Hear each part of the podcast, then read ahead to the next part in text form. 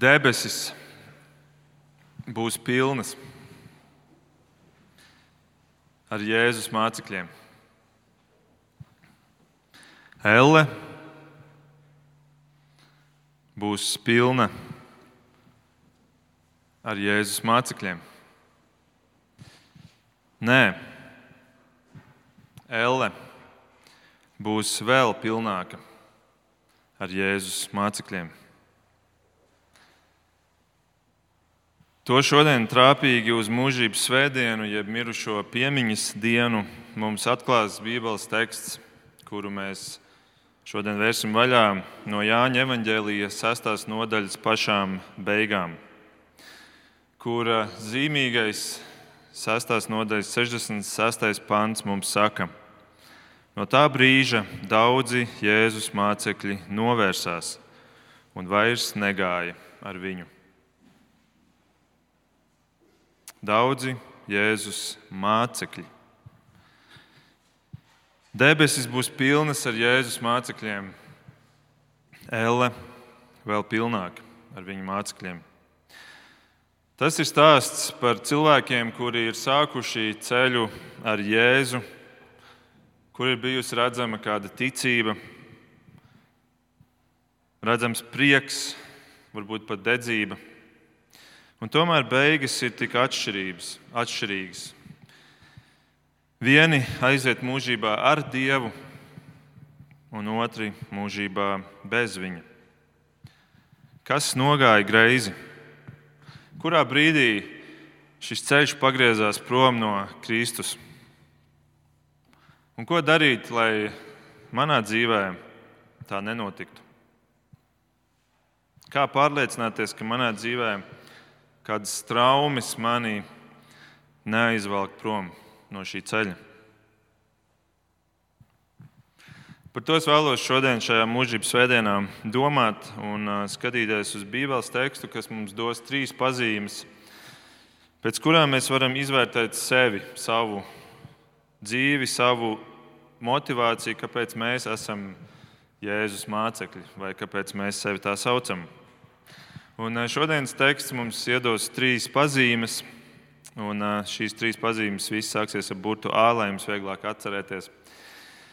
Un es vēlos uzreiz arī sākt jau ar pirmo, un pirmā ir attieksme pret vārdiem. Attieksme pret vārdiem. Un mēs varam izlasīt, jūs varat, ja jums ir bībeles uz solēm, varat paņemt, atvērt vaļā, lai ir arī teksts jums priekšā. Un izlasīsim 60. pantu. Jāņa evanģēlijas 6. nodaļa, 60. pants. Daudzi viņa mācekļi to dzirdēdami sacīja: Šie vārdi ir pārāk smagi. Kas tajos var klausīties?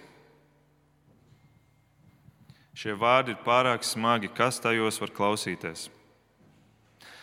Un šis šodienas teksts sākās ar vienu ļoti skumju vārdu. Ja ievērojāt, pirmais vārds ir daudzi. Tātad šis nav stāsts par vienu cilvēku, par kādu jūdu izkarjotu, kurš ir aizgājis prom no dieva. Šis ir stāsts par daudziem. Un kopējā aina atklās, ka šodienas um, notikumā lielais vairākums aiziet prom. Un šis viens, šis pirmais vārds, daudzi, ir arī kā tāda būta, kas, tad, kad tu atver vaļā šo bībeli, tad viņa tiek izšauta kā tāda būta ārā uz šodienu, uz mūsu dzīvi, uz mani, tevi. Jo tas atklāja, ka pastāv šis risks, un šis risks ir arī aktuāls šodien. Šī slimība ir ļoti lipīga, un daudzi ar to saslimst. Jēzus par to runā diezgan bieži. Piemēram, Kalnu svētdienā viņš arī šo pašu domu apliecina. Viņš Matei 7,13 saka, Ieiet pa šauriem vārtiem, jo plati ir vārti un plats ir ceļš, kas ved pazušanā, un daudzi pa tiem ieiet. Pāris pāns tālāk viņš saka, daudzi tajā dienā man sacīs, kungs, kungs. Un tad es tiem apliecināšu, es jūs nekad neesmu pazinis. Nost no manis jūs ļauna darītāji. Tie ir cilvēki, kuri gājuši šo ceļu, domādami, ka tas ved pie dieva, bet tas ir aizvedis beigās uz pazušanu, aizvedis pie šīs sarunas ar Jēzu, kurā Jēzus saka, es tevi nekad neesmu pazinis kā savu mācekli. Daudzi.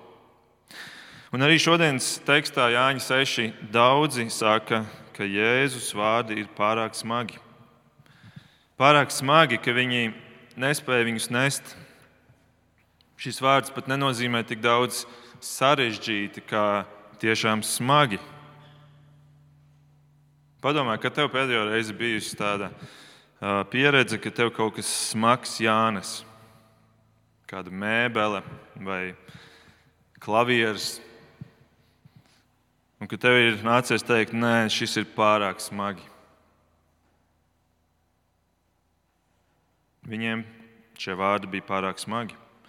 Grieķu vārds vārdam smagi ir skleros, no kā mums ir cēlies vārds skleroze.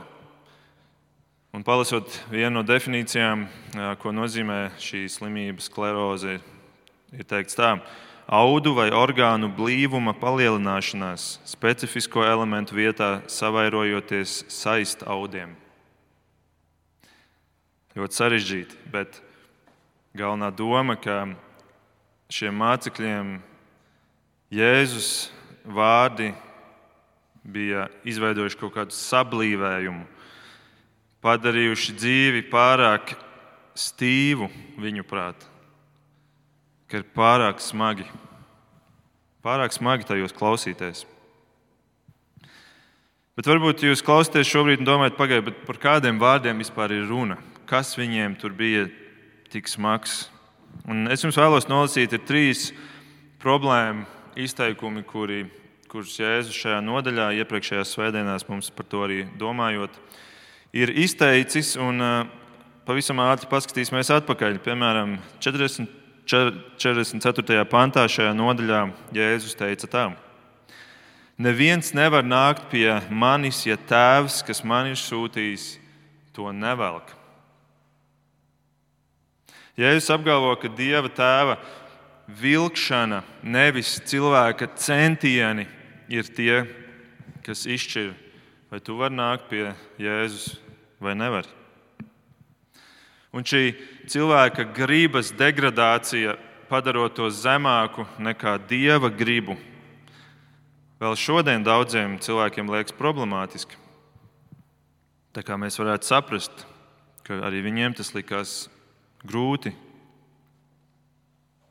pieņemams. Nākamais šoks 48. pantā Jēzus saka, es esmu dzīvības maize. Es esmu dzīvības maize. Un šī eksplozīvā divu vārdu kombinācija, es esmu, visiem bija skaidri zināma kā dieva apzīmējums sev. Tas bija dieva vārds, Dievs sevi tā sauca. Varbūt jūs atceraties, kad Mozus tiek sūtīts Izraēla tautu vest ārā no Ēģiptes verdzības. Šis mūzis saka Dievam, 2. mūzis 3. Tie jautās, kā viņu sauc, ko tad lai es viņiem saku? Dievs sacīja uz mūzu: Es esmu, kas es esmu. Viņš sacīja, tā tev jārunā ar Izraēla bērniem. Es esmu, tas mani ir sūtījis pie jums. Tas ir Dieva vārds. Un Jēzus šeit sevi tā nosauc. Viņš ar to nepārprotami noliek sevi Dieva vietā. Šokējoši. Un trešais neticamais Jēzus izteikums sako 54. un pēc tam 57. pantā, kur viņš saka, kas manu miesu ēd un manas asins dzer, tam ir mūžīgā dzīvība. Kas mani ēd, caur mani dzīvos. Šeit viņš ne tikai vēlreiz apstiprina to, ka viņš ir Dievs, apgalvo to, ka viņš ir Dievs, jo viņš spēj dot mūžīgo dzīvību, ko tikai Dievs spēj dot, bet vēl vairāk viņš prasa viņu ēst.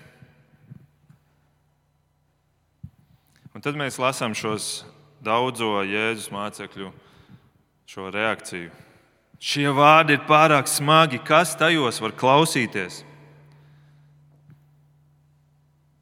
Labs jautājums. Kas tajos var klausīties?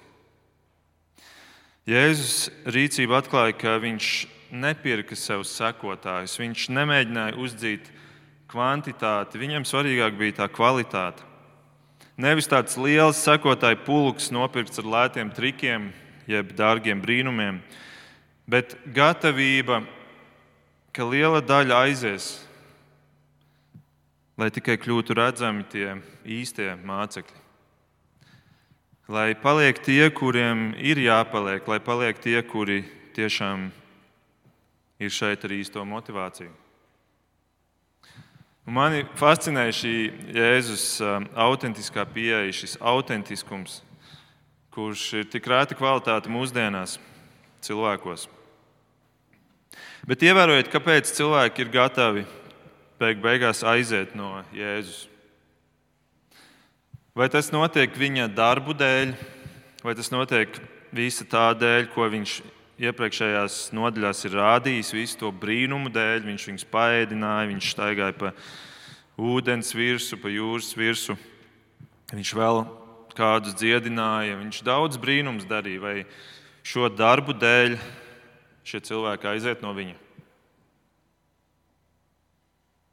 Atbilde ir nē, protams, ka nē. Viņi mīlēja šos darbus, šo darbu dēļ viņi vispār bija tur atnākuši pie Jēzus. Nē, viņi neaizgāja darbu dēļ, viņi aizgāja Jēzus vārdu dēļ. Jēzus vārdi ir tie, pie kuriem šie mācekļi piedaudzījās. Tas bija tas klupšanas akmens viņiem. Cilvēki mīlēja Jēzus darbus, bet vārdus Nē, tie vārdi tie traucē. Rāda mums vairāk darbu, Jēzu, un mazāk runā. Jēzu, pst, nevajag, nevajag runāt šīs lietas.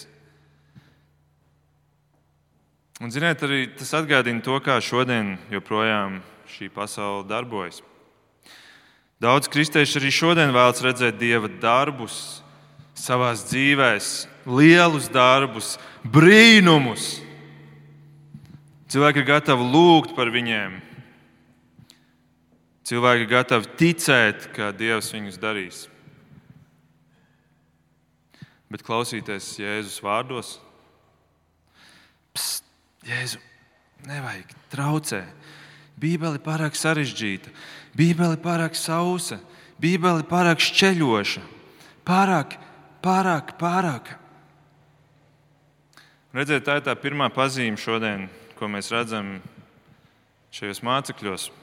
Attieksme pret vārdiem, attieksme pret Jēzus vārdiem, attieksme pret Dieva vārdu. Un, lai katrs pārbauda, kāda ir mana attieksme tieši pret Jēzus vārdiem. Tas tas šodien pirmais aicinājums domāt par to, kāda ir mana attieksme pret Jēzus vārdiem. Interesanti, ka tieši vārdiem Bībele liek pārsteidzoši lielu uzsvaru. Pat milzīgi lielu uzsvaru.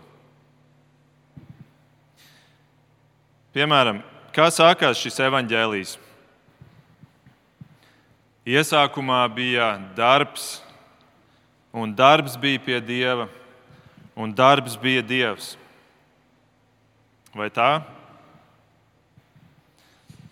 Nē. Kā tad sākās Jāņa evanģēlijas? Iesākumā bija vārds, un vārds bija pie dieva, un vārds bija dievs. Un tad 13. pantā tālāk mēs redzam, apbrīnojam, ka ir teikts, un vārds tapa miesa un mājoja mūsu vidū. Mēs varam teikt, wow, Jēzus ir šis vārds. Redziet, Jēzus ne tikai runā vārdus, viņš ir vārds, mēs varētu teikt, vārds runā vārdus. Tāds lūk ir mūsu Dievs. Un kādai tad vajadzētu būt Dieva mācekļu attieksmē pret vārdiem? Šie vārdi ir pārāk smagi. Kas tajos var klausīties? Tāda ir daļa no šiem mācekļiem. Lielākā daļa, daudzi. Un Jēzus viņiem saka, 61. pantā, vai tas jums ir par apgrēcību? Vai tas jums ir par apgrēcību? Citur Mateja 11.6. viņš saka, laimīgs ik viens, kas manis dēļ neapgrēcinās.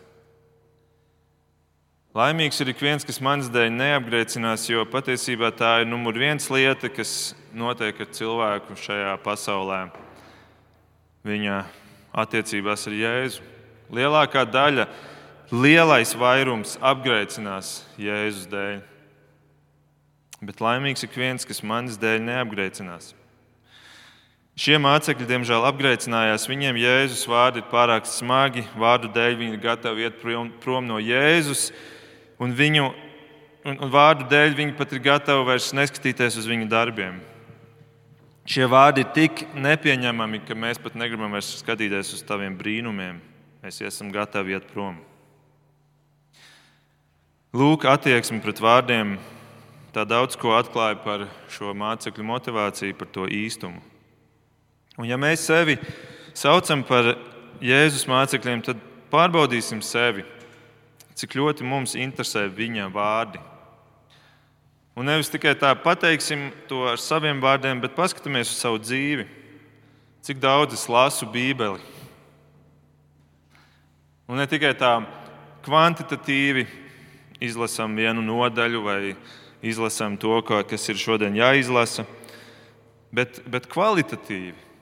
Ja atceramies, Jēzum interesē nevis kvantitāte, bet kvalitāte. Jēzum interesē arī, ka mēs Bībeli, viņa vārdus lasām nevis kvantitatīvi, bet kvalitatīvi. Mēģinam saprast, ko viņi nozīmē. Cik ļoti tev un man interesē saprast, kas tur ir pateikts. Vēl jautājums, vai man interesē pati Bībele, vai man interesē vairāk tāds garīgums vai tāds cilvēka apceres par Bībeli. Brītu sludinātājs Čārlis Spērģents ir teicis, es baidos, ka kristieši vairāk lasa grāmatas par Bībeli nekā pašu Bībeli.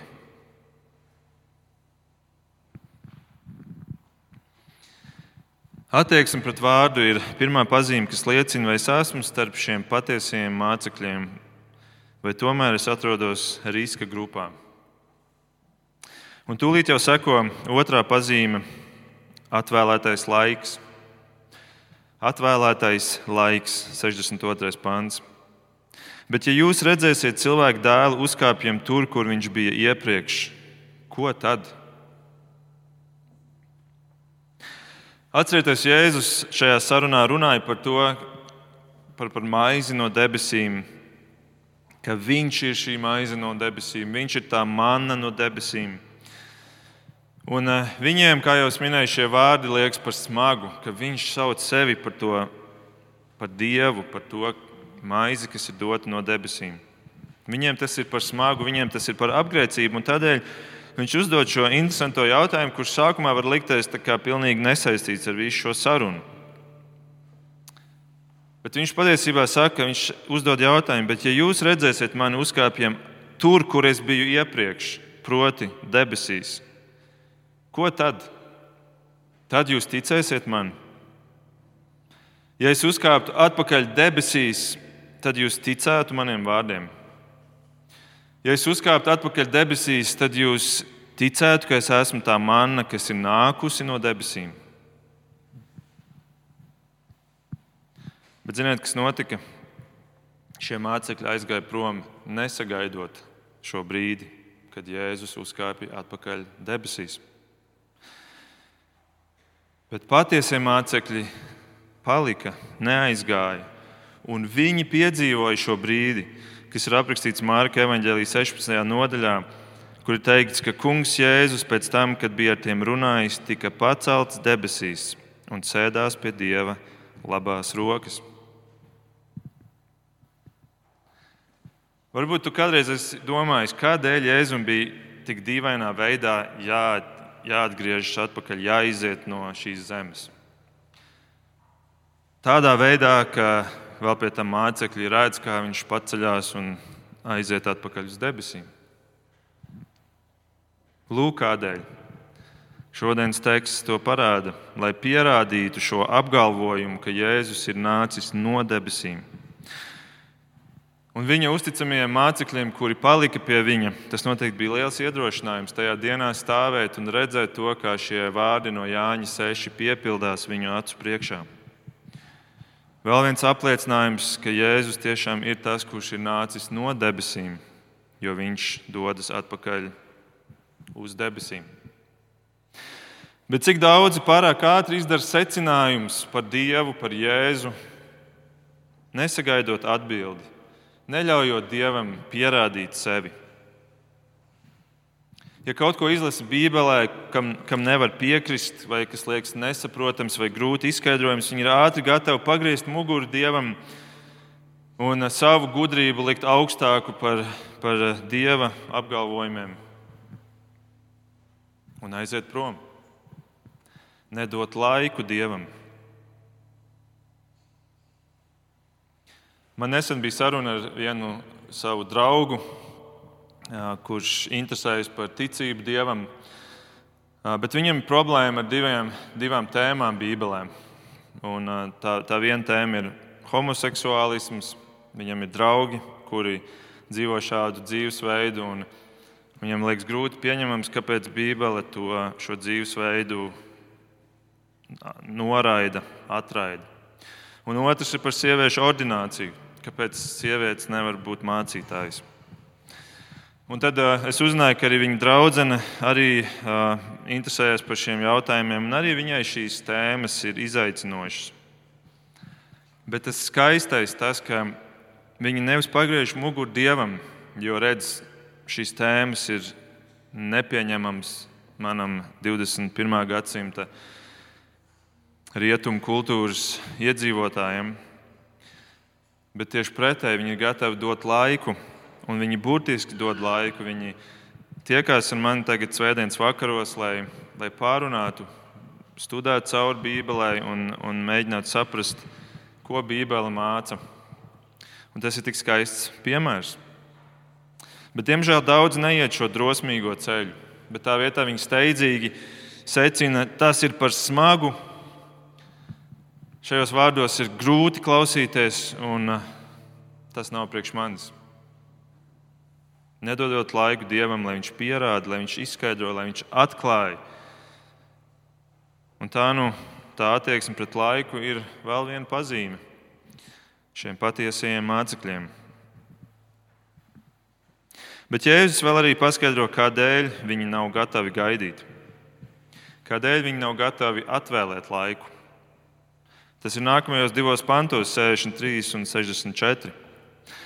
Viņš saka, gars dara dzīvu, miesa nelīdz nenieka. Vārdi, ko es jums runāju, ir gars un dzīvība, bet ir kāds starp jums, kas netic. Interesantā kārtā Jēzus paņem un izvelk veco labo miesas un gara kontrasta tēmu. Viņš pēkšņi runā par garu iepratī miesai. Un savā veidā viņš, es domāju, grib pateikt to, ka gara vadīts cilvēks apzinās, ka šis, šī dzīve ir tikai mirklis pirms nebeidzamas mūžības. Pirms nebeidzamas un skaistas mūžības. Un tāpēc šādam cilvēkam ir miers pagaidīt, pagaidīt un ļaut dievam rīkoties. Kur pretī tas mīsīgais cilvēks, kuram nav šīs mūžības perspektīvas, kurš dzīvo tikai šodienai, šeit un tagad, viņam ir jāsteidzās, viņam nav laika gaidīt. Vajag izbaudīt pēdiņās gaistošās dzīves labumus. Garīgais iepatīja mīsīgo cilvēku. Un viens tāds mīsīgais cilvēks bija Jūda Iskarjots, kuru Jānis pēkšņi nākamajā pantā izvelk no ēnas gaismā. Izved no ēnas gaismā kā tādu piemēru, kā tādu lielāko no nepatiesiem mācekļiem, kuri vadījušies pēc mīsīgajiem iegribām. 64. pantā viņš saka, Jēzus jau no iesākuma zināja, kur ir tie, kas netic, un kurš ir tas, kas viņu nodos. Atkal liekas, tā lasi šo tekstu un liekas, kāpēc viņam tagad vajag pēkšņi runāt par jā, jūdu izkarjotu. Bet jūda izkarjots vienkārši ir ļoti labs piemērs tam cilvēkam, kurš nav gatavs gaidīt, kurš nav gatavs ļaut Jēzum pierādīt, ka viņš ir Dievs. Jūda, jūda iespējams bija ieradies šajā komandā pie Jēzus ar tādu expectāciju, ka Jēzus būs tas mesija, kurš atbrīvos no šīs politiskās okupācijas. Viņš būs tas atbrīvotājs, viņš būs tas, kurš ies un risinās šīs tautas problēmas attiecībā pret Romas impēriju. Viņš varbūt sagaidīja, ka Jēzus kāps kancelē un runās par okupāciju, runās par politiku, runā, aicinās iet ielās un demonstrēt, zīmēt plakātus un iet un cīnīties pret šo politisko okupāciju. Bet Jēzus to nedara. Viņš patiesībā nevienu reizi pat tuvu nepieiet šai tēmai, kur viņš aicinātu cīnīties par tautas deokupāciju. Tāpēc, ka ir daudz lielāka problēma cilvēcei, un tā ir šī garīgā okupācija. Un kad jūdi ieraudzīja, ka Jēzus neiet šajā virzienā,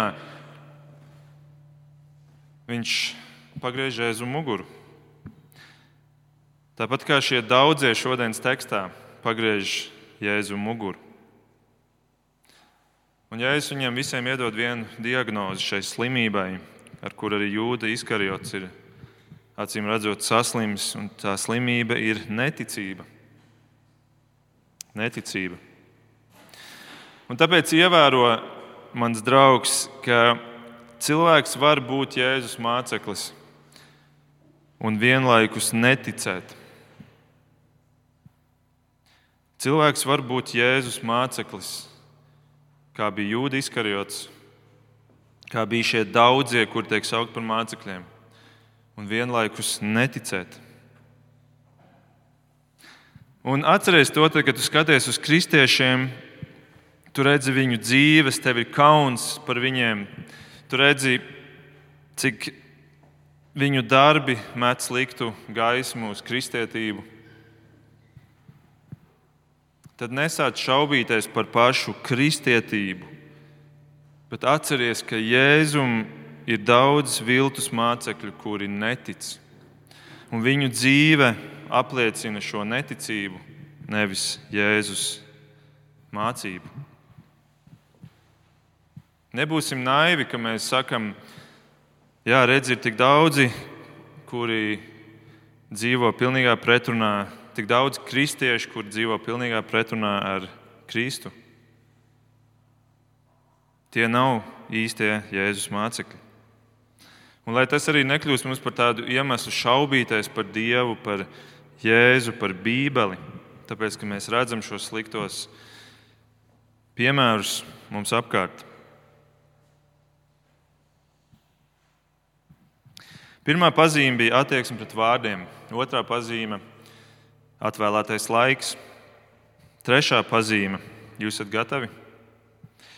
Atvērtība pret izredzētību atvērtība pret izredzētību.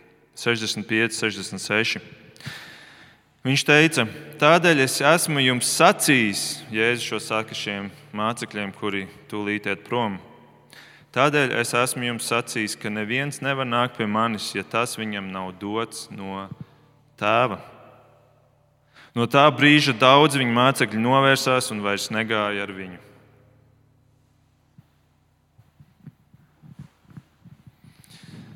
Ja līdz šim jau viss šiem nepatiesiem mācekļiem, uz miesu centrētajiem mācekļiem bija smagi, tad šis bija pēdējais piliens.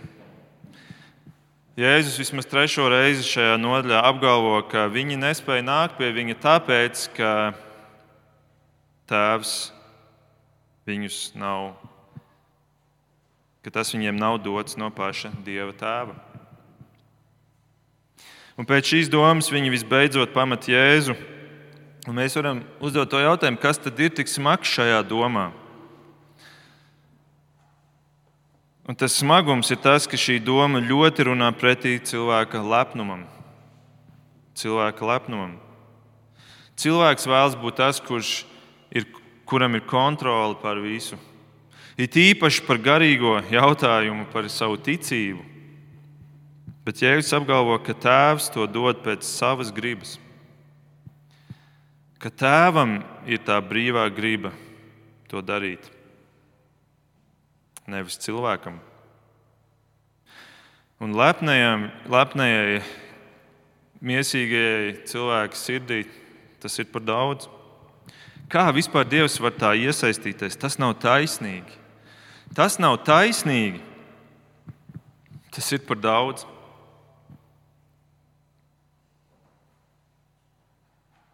Ja Jēzus ir tāds, tad es nevēlos viņam sakot, es došos pats pa saviem ceļiem. Pa to gudrību, kura man šķiet loģiska, man šķiet saprotama, man šķiet pieņemama un kur gal galā atstāja kontroli manās rokās.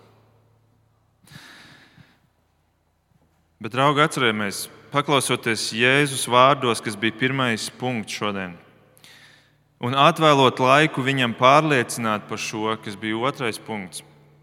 Mēs varbūt varam tomēr ieraudzīt šajā domā kaut ko pārdabiski skaistu un kaut ko vērtīgu, kas ir paliekošs mūsu tālākajam ceļam. Jēzus par šo tēmu runā patiesībā ļoti atklāti. Piemēram, Jāņa 15, 9 nodaļas tālāk viņš teiks saviem mācekļiem: Ne jūs izraudzījāt mani, bet es jūs izraudzīju un liku, ka jūs ejat un augļus nesat, un ka jūsu augļi paliek.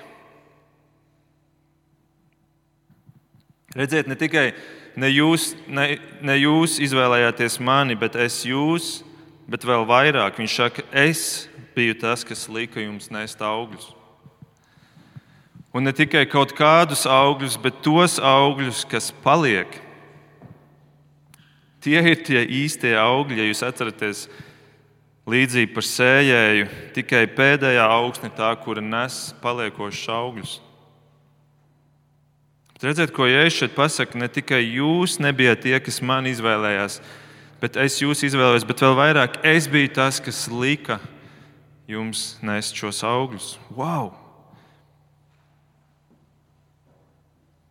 Ja tev kāds cilvēks saka, tev ir redzami gara augļi, tad tu vari teikt, Jēzus lika man tos nest. Tas ir viņa darbs manā dzīvē. Un redziet, Jēzus šeit pasakā, ne tikai glābšana ir tā dieva izvēle, bet arī svētapšana ir dieva darbs.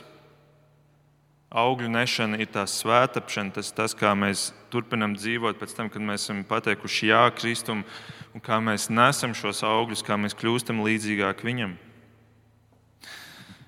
Citā evanģēlijā Jēzus saka vēl kaut ko saviem mācekļiem, Matei 13, 11. Viņš saka, jums ir dots zināt debesu valstības noslēpumus, bet viņiem nav dots. Atkal mēs redzam, ka Dievs kaut ko dod, lai mācekļi varētu vispār saprast, ko Jēzus saka. Tas ir Dieva darbs, Dievs dod. Un arī šodienas tekstā Jēzus to ļoti spēcīgā veidā izsaka. Mēs varam izlasīt 67 līdz 69. Tad Jēzus sacīja tiem 12: Vai jūs arī gribat aiziet? Atceramies, tie daudzie tikko aizgāja prom. Un Jēzus jautās šiem 12, vai jūs arī gribat aiziet? Sīmans Pēters viņam atbildēja: Kungs, Pie kā mēs iesim? Tev ir mūžīgās dzīvības vārdi, un mēs ticam un esam atzinuši, ka tu esi Dieva svētais.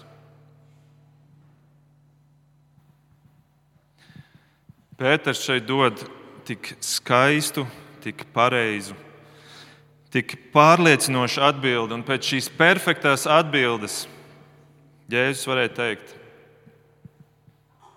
Malači puiši, paldies jums! Es novērtēju to, ka jūs izvēlējāties palikt pie manis. Paldies par jūsu izvēli. Tā vietā paklausieties Jēzus atbildi. Ak, tu skaistais, tik patiesais Jēzu. 70. pāns. Jēzus tiem atbildēja, vai es neesmu jūs 12 izredzējis? Vai es neesmu jūs 12 izredzējis?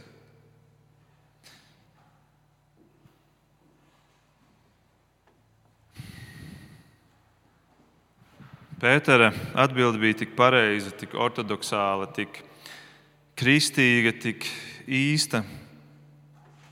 Un tomēr Jēzus uzskata par vajadzīgu atgādināt, ka tā nav jūsu izvēle, bet tā, ir, tā nav jūsu pašu atbilde, Pēter. Tā nav jūsu pašu atbilde, bet tā ir tēva atbilde jūsos, jo tēvs jums to ir devis.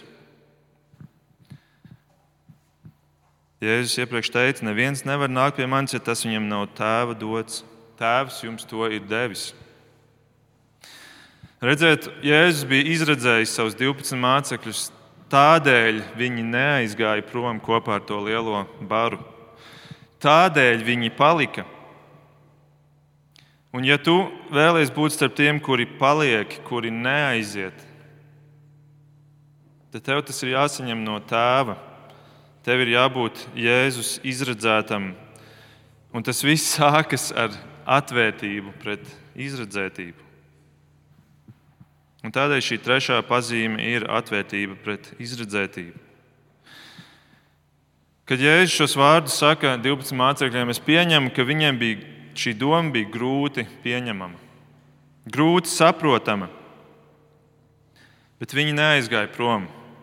Viņi deva Jēzum laiku paskaidrot šo, pierādīt šo.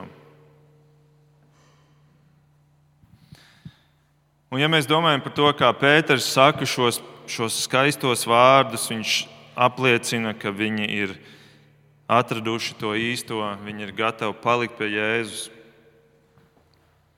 Un kad viņš saņem šo Jēzus atbildi, ka patiesībā tā ir Jēzus izvēle izredzēt viņus, es domāju, ka Pēters sākumā tam nemaz īsti nespēja ticēt.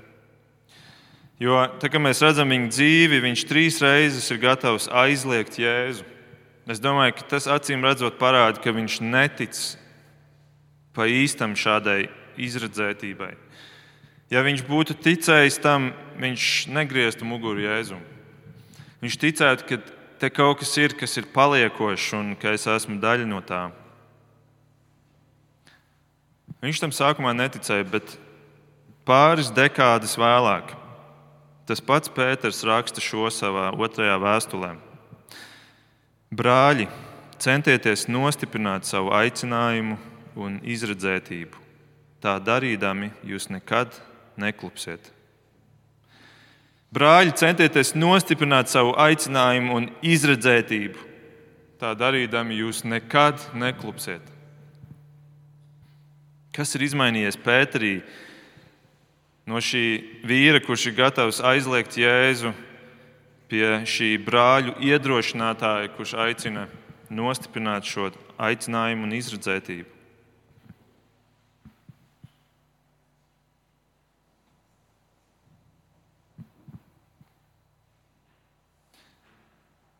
Pēters bija satvērs šo patiesību. Un Pēters bija satvērs vēl kaut ko daudz vairāk. Viņš bija satvērs kaut ko tādu, ko man liekas, katrs no mums arī gribētu. Jo viņš saka, ja jūs satvērsiet, ja jūs nostiprināsiet šo, jūs nekad neklupsiet. Vai tu gribētu nekad neklupt?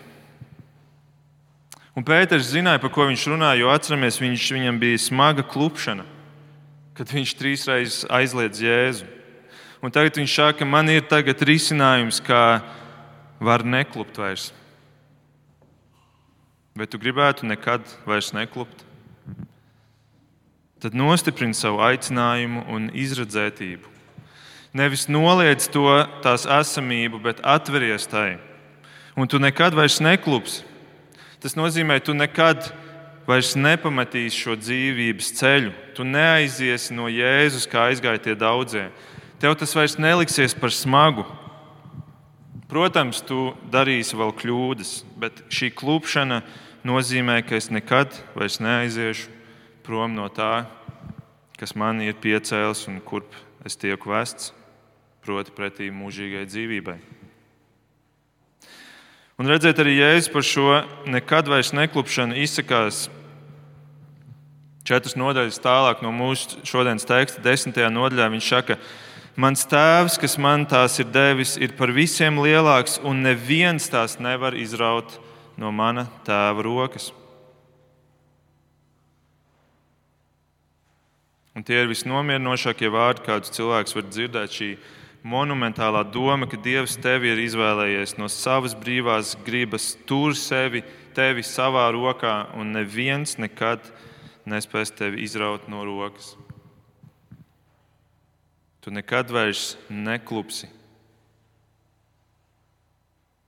nekritīsi, neaizies prom no tā ceļa, kurā Dievs pēc savas gribas tevi ir ielicis. Tāpēc Šeit Jēzus parāda šo atvērtību izredzētībai, un Pēters aicina nostiprināt to.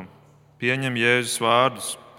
Lūdzu viņu, pieņ, ka tu vēlēsies viņu visu pieņemt.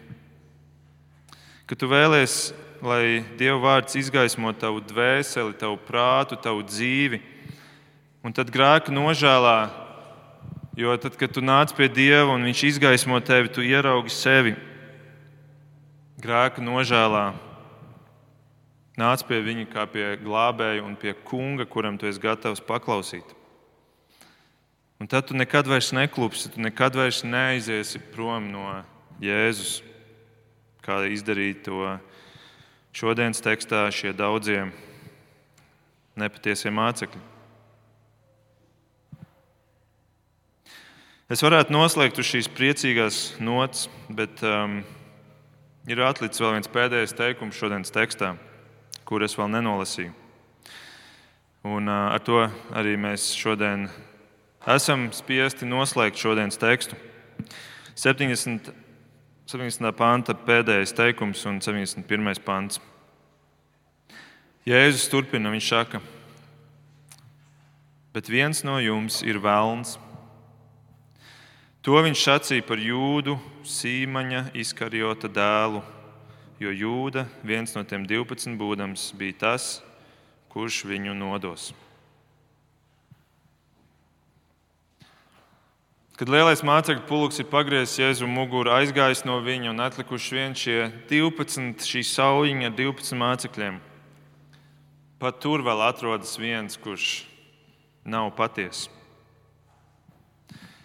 Es domāju, fakts, ka Jēzus izrada šādu vēlnu, viņš pat viņu sauc par vēlnu savā mācekļu lokā, rada atkal daudzus jautājumus, kādēļ, un jautājumus, kurus ir grūti saprast. Bet es domāju, ka šodienas trīs pazīmes ir arī mēraukla, kuru mēs redzam jūdas dzīvē, kā piemēru jūdu. Pirmais punkts mums bija attieksme pret Jēzus vārdiem. Un jūda parāda, ka tā nevarēja būt nopietna, jo viņa mērķi bija pavisam atšķirīgi no, no tiem mērķiem, kādus jūda bija izvirzījis.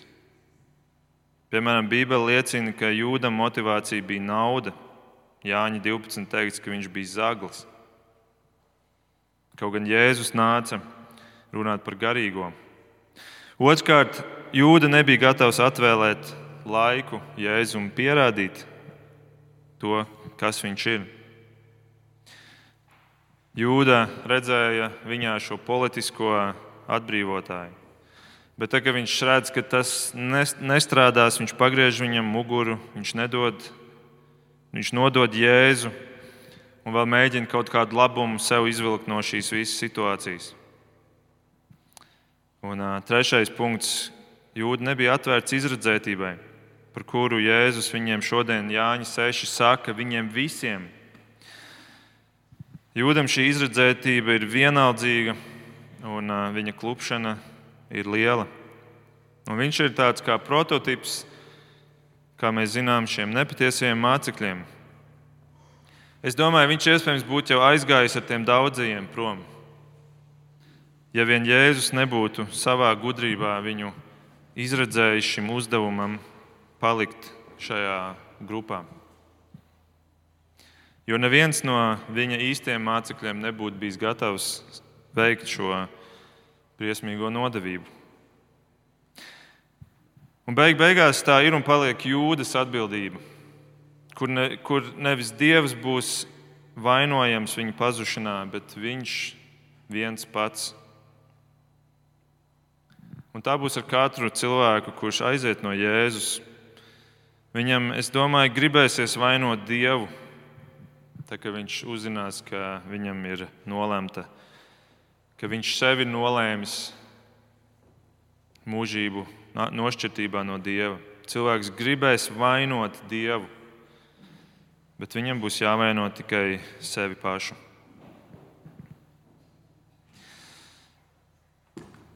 Debesis būs pilnas ar Jēzus mācekļiem, Elle vēl pilnāka. Lai Dievs mūs katru svētī šajā mūžības svētdienā, ka mēs ne tikai atceramies par tiem ticības brāļiem un māsām, šiem patiesiem Jēzus mācekļiem, kuri ir nostaigājuši savu dzīvi kopā ar viņu, un ka mēs ne tikai apmeklējam viņa kapus, ko es aicinu darīt, bet ka mēs paskatāmies uz šodienu, uz sevi, uz savu dzīvi. Un pārbaudam sevi nevis pēc saviem kritērijiem, bet pēc tiem kritērijiem, kurus Jēzus mums ir devis pēc Dieva standartiem. Lūksim Dievu. Debes Tēvs, paldies par Tavu vārdu. Paldies Tev par to, ka vārds kļuva miesa. Tavs dēls iemiesoja šo vārdu un nāca, lai dotu mums dzīvības vārdus Piedod, kungs, ka mēs esam šaubījušies par tiem. Piedod, ka mēs neesam ieinteresēti tajos, ka mēs mīlam vairāk savu gudrību. Bet paldies, kungs, ka tu apžēlojies, ka tu velc cilvēkus pie sevis. Un ka šī vilkšana, kā šī nodaļa atklāja, notiek caur tavu vārdu ka tavs vārds, tavi vārdi ir tie, kas cilvēkus sāk vilkt. Un es lūdzu, ka,